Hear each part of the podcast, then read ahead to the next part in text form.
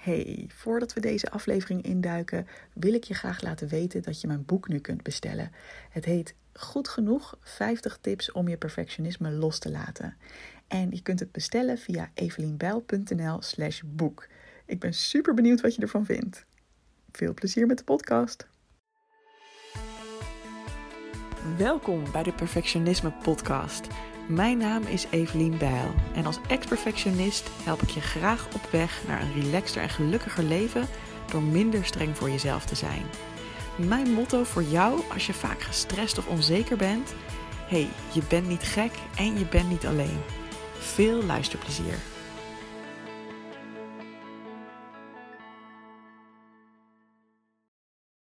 Hey, herken jij dat gevoel dat alles urgent is en dat alles voor je gevoel nu moet. En dat je daardoor eigenlijk compleet overweldigd bent, omdat je niet goed kunt bepalen wat nou prioriteiten zijn. Uh, nou, ik heb dat heel erg gehad vroeger. Uh, en ik, had het, ik zag laatst ook dat iemand daar een vraag over had in Goed Genoeg. Dus ik dacht, hoe lekker om je daar eventjes mee te helpen met een concreet stappenplannetje. Wat je kunt doen als je dat gevoel ook hebt. Nou, bij diegene was het, uh, was het volgende aan de hand, diegene die meedoet aan Goed Genoeg. Zij um, had een aantal eigen projecten waar ze graag aan wilde werken, maar daar kwam ze eigenlijk niet lekker aan toe, omdat er ook continu collega's waren met vragen. En ze had eigenlijk steeds het idee van, ja, ik kan die mensen ook niet laten wachten en ik moet daar meteen mee aan de slag. En um, ja, daardoor kwamen eigenlijk uh, haar eigen projecten een beetje in het gedrang. Had ze daar eigenlijk nooit de ruimte en de tijd voor om daarmee om te gaan. En ook een concreet voorbeeld was dat zij um, ja, gewoon de hele dag door met haar mail bezig was. En dat ze ook dacht, ja, hoe, hoe kan ik dat handiger doen en, en slimmer doen? Want ook dat voelt de hele tijd alsof ik meteen moet reageren. Terwijl, ja, dat, dat helpt niet om zeg maar overzicht te krijgen en om gewoon lekker aan mijn eigen projecten te werken. En ik had eigenlijk uh, drie hele concrete tips. Want hey, I've been here, I've done that. en dit zijn de drie dingen die mij het meeste hebben geholpen. Het eerste is om, als het ook maar enigszins kan, om gewoon in je agenda blokjes te maken waarin jij gaat werken aan jouw eigen prioriteiten. Dus aan die dingen hè, die gewoon hartstikke belangrijk zijn. Um, en en wat, hè, wat echt gewoon jouw main responsibility is, zeg maar. En dat kan er op allerlei manieren uitzien. Dus je kunt bijvoorbeeld zeggen, nou, uh, elke ochtend van 9 tot 12 blok ik daarvoor. Of misschien is het genoeg om dat drie dagen in de week te doen. Of je kunt bijvoorbeeld zeggen, nou, elke maandag en woensdag blok ik daar helemaal voor. Hè? Maar hoe, het maakt helemaal niet uit hoe het er concreet uitziet. Maar ga eens nadenken over een structuur en een manier die jou zou kunnen helpen om echt die tijd te blokken voor je eigen dingen. Voor de dingen die belangrijk zijn. En ik zeg nu je eigen dingen. Um, het kan gewoon zijn dat je bepaalde taken of bepaalde projecten hebt waarvan je voelt, oh, die zijn eigenlijk heel belangrijk. Maar door alle, um, ja, alle, hoe zeg je dat, dagelijkse dingetjes, door alle vragen, door alle urgente dingen die tussendoor komen, kom ik er gewoon niet aan toe. Dan is het gewoon heel fijn om dat te blokken. En wat hier dan bij komt kijken is, hè, misschien heb je dit al wel eens geprobeerd, maar, oh nee, wacht, nee, daar kom ik in tip 3 op terug. dus het kan nu zijn dat je denkt: ja, ja, Evelien, dat probeer ik wel. Maar dan nog, dan voel ik me de hele tijd heel schuldig, omdat ik denk: ja, maar ik moet op die collega's reageren. Hè? Um, daar komen we zo meteen in tip 3 op. Um, wat ik dus ook zou doen in dit schema, is dat je ook echt probeert om die tijd vrij te houden. En dat je daarin dus ook even geen appjes of mailtjes of belletjes uh, binnenkrijgt. Natuurlijk verschilt dat per beroep of hè, per, per baan of dat kan of niet. Um, Hè, misschien is het in sommige gevallen niet helemaal mogelijk om dat helemaal uit te schakelen. Maar kijk gewoon eens, is het mogelijk om gewoon een paar uur dat niet te checken? En ook als het nu voelt alsof het niet mogelijk is, is het echt niet mogelijk. Probeer het eens een keer, probeer het eens een paar keer. En kijk dan of de wereld vergaat. Nou, dat, dat vroeg ik toen ook aan die goed genoeg deelnemer. En zij zei, ja inderdaad, ik heb dat ook wel eens gedaan. En het is heus niet dat er dan, uh, hè, als ik drie uur even voor mezelf iets heb gedaan, dat er dan collega's op mijn voicemail staan met: Hoezo ben jij niet bereikbaar? What the fuck? Alles staat hier in de hands. We kunnen helemaal niet verder omdat jij nu niet direct op onze vragen gereageerd hebt. Weet je, dat is vaak een soort van doemscenario dat we in ons eigen hoofd maken. En dat is iets wat onze kritische rechter ons wijs probeert te maken. Maar in de praktijk is dat helemaal niet zo. Bijna nooit. Um, dus het kost ook een tijdje om hier aan te wennen. Dus, dus doe dit niet één keer of één week lang. En dat je dan denkt, ja, maar ik ga alsnog de hele tijd tussendoor mijn, mail zitten checken. Want uh, ja, het voelt gewoon niet goed. Nee, logisch dat het niet goed voelt, want je bent het nog niet gewend. En je, je hoofd moet ook eerst gerustgesteld kunnen worden dat het ook echt goed gaat als jij dit een tijdje gaat doen. En als je dus gewoon die tijd voor jezelf kiest um, om niet de hele tijd actief te reageren. Dus dat is tip 1. Tip 2 is ook, uh, zeker als je veel te maken hebt met vragen van anderen, is zodra je dan wel een moment hebt dat je bijvoorbeeld je mail checkt of je appjes of uh, even dat contact hebt met collega's of met je leidinggevende, dat je dan heel duidelijk checkt als er een vraag bij jou komt. hey, wanneer heb je dit uiterlijk van mij nodig? Want wat ik altijd heel snel deed, is dat ik ook meteen die aanname had van alles is urgent, alles heeft prioriteit, alles moet nu. Uh, diegene stuurt mij niet voor niks deze vraag, dus ik moet daar direct op reageren. En alles wat ik zelf bedacht had, gaat, moet nu overboord gaan om daarop te reageren en om diegene nu verder te helpen. En in de praktijk kwam ik erachter dat het eigenlijk wel meeviel. En dat het bijna altijd was: oh nee, joh, prima. Als het ergens volgende week is, is het ook goed. Ik heb een meeting uh, op de, de 27ste. Ik zeg even wat. ik heb een meeting op de 27ste. Dus ja, als ik het uit de 25ste heb, is het helemaal prima. Weet je, mensen communiceren vaak helemaal niet zo duidelijk over wanneer ze iets nodig hebben. Uh, doe ik zelf ook niet altijd helemaal perfect. Um, wat ik wel probeer te doen bij mijn team, is dat ik aangeef als iets geen haast heeft. En dan weten ze ook van, nou, dan dan maakt het gewoon helemaal niet uit. En als het wel haast heeft, probeer ik dat er ook bij te zeggen. Dus hè, dus ook een leuke check voor jezelf. Hoe duidelijk ben jij over wanneer je iets nodig hebt? Um, overigens kan het natuurlijk dan zo zijn dat iemand zegt: Ja, nee, ik heb, het heeft echt heel veel haast. Het moet echt vandaag. Dan nog is het aan jou om te kijken: Ja, maar kan dat ook echt? En als ik daar niet de ruimte voor heb. Um, hè, dat je dan even bijvoorbeeld met je leidinggevende in overleg gaat van hey, wat is belangrijker nu? En stel dat dat inderdaad die vraag is van die andere persoon. Oké, helemaal goed. Uh, wat gaat er dan nu van mijn bordje af? Hè? Misschien kun je dat zelf al doen. Hè? Misschien kun je zelf al zeggen van oké, nou dan maak ik even een uitzondering en dan ga ik daar wel nu eerst aan zitten. Maar weet dus dat er dan andere dingen niet vandaag kunnen. Um, tenzij je van plan bent om over te werken. En hè, overwerken is prima voor een keertje, maar dat is niet structureel de bedoeling natuurlijk. Dus zo op die manier kun je ook gewoon een beetje gaan kijken van, oh, oké, die vraag is voor dan en dan. Nou, dan zet ik hem in mijn agenda dat ik er dan op terugkom. En het dan ook gewoon echt pas doen wanneer jij dus die tijd en die ruimte voelt. Want ik weet dat veel perfectionisten dan alsnog de hele tijd in hun achterhoofd hebben van ja, dat moet ik nog wel doen, dat moet ik nog wel doen. En dat snap ik.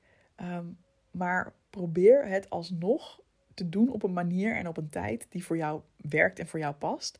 En zoals ik ook al bij tip 1 zei, het kost gewoon even tijd om deze nieuwe manier van werken te doen. En om niet meer ad hoc op alles te reageren. Uh, het kost even tijd voor jouw brein om te merken: oh, wacht. Het is ook veel lekkerder als ik dat gewoon doe uh, op een manier en met een planning die voor mij werkt. En het komt ook echt wel goed dan. Weet je wel, Daar, dat, dat, dat kost gewoon even tijd om dat te gaan ontdekken. Dus de tweede tip is de tweede chip, de tweede tip is om te checken wanneer die ander het nodig heeft. En ook daar gewoon transparant over te zijn. Van, hè, of misschien zelfs al te beginnen met, hè, als iemand jou een vraag stelt.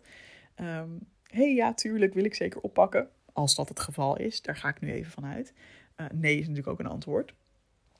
Um, tuurlijk wil ik graag voor je doen. Ik heb zelf tijd dan en dan. Hè, bijvoorbeeld over drie weken. Is dat goed voor jou?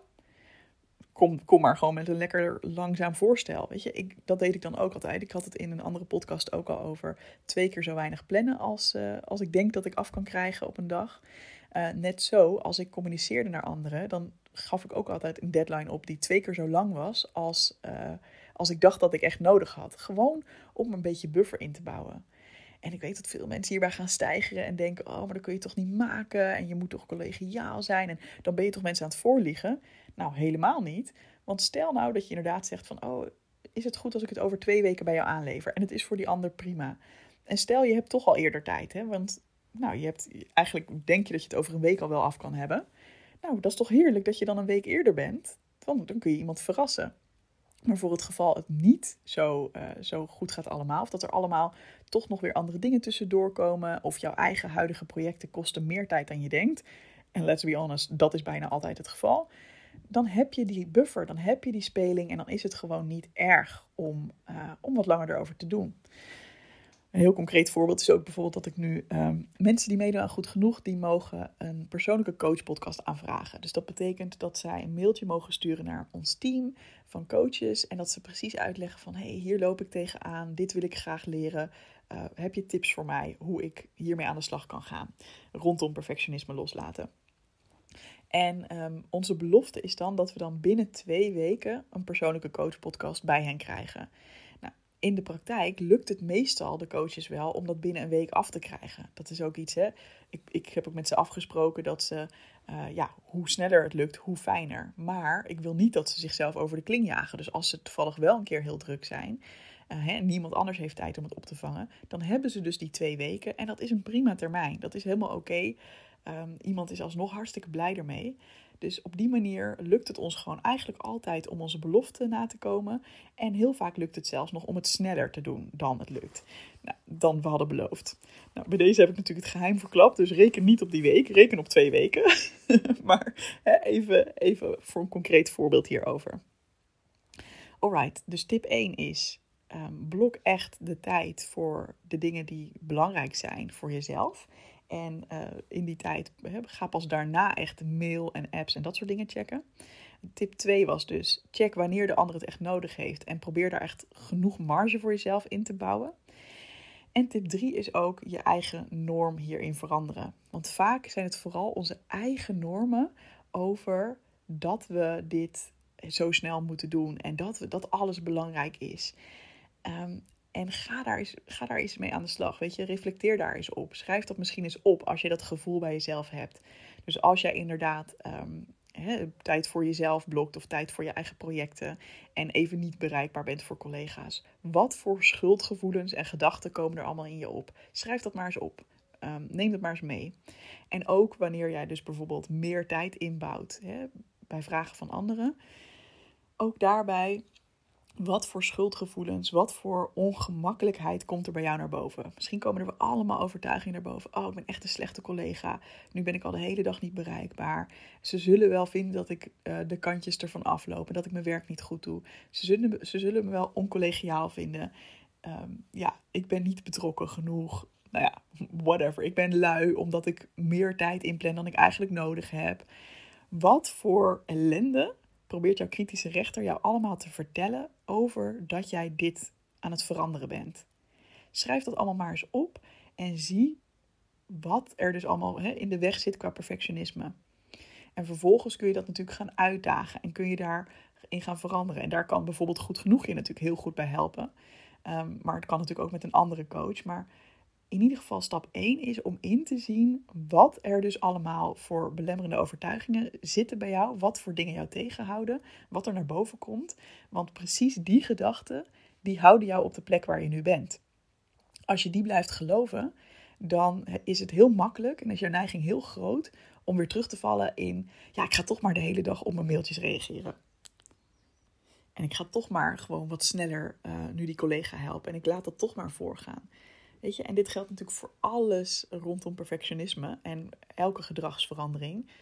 Uh, zolang die overtuigingen van jou nog zo sterk zijn dat er iets mis met jou is op het moment dat jij dus ander gedrag vertoont, dan, ja, dan kun je het wel een tijdje volhouden, maar dan is het heel moeilijk om dat vol te blijven houden. Dus wees je dus bewust van de gedachten die eronder zitten. Wees je bewust van de, de gekke normen eigenlijk die je zelf hebt. En ga daarmee aan de slag om die om te turnen.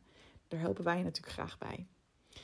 Alright, ik ben heel benieuwd. Wat heb je hier aan gehad? Herken je dit? Is, is het iets wat jij ook hebt? Dat gevoel van alles is urgent en belangrijk. En ja, heb je iets aan deze tips? Ik ben wel heel erg benieuwd wat jij ermee gaat doen. Zou ik heel leuk vinden om van je te horen. Dus uh, altijd welkom via DM's op Instagram of via de mail. Um, en ik vind het ook altijd super leuk als je een review achterlaat van, oh, dit was echt een fijne podcast. Hè, of dat je misschien een keer deelt met iemand waarvan je denkt, hmm, die zou hier ook wel wat aan kunnen hebben. Super leuk om zo het woord verder te kunnen verspreiden. hey, dankjewel voor het luisteren en heel graag tot volgende week. Hey, vond je deze podcast te gek? Check dan zeker even mijn online programma Goed Genoeg, speciaal voor perfectionisten. Want heel eerlijk, in je eentje kun je ook een heel eind komen met het loslaten van je perfectionisme. Maar als je meedoet aan dit programma, heb je alle tools in handen om veel sneller deze ontwikkeling door te maken. Ga naar doelgerichtecoaching.nl slash goed genoeg en wie weet zie ik je binnenkort.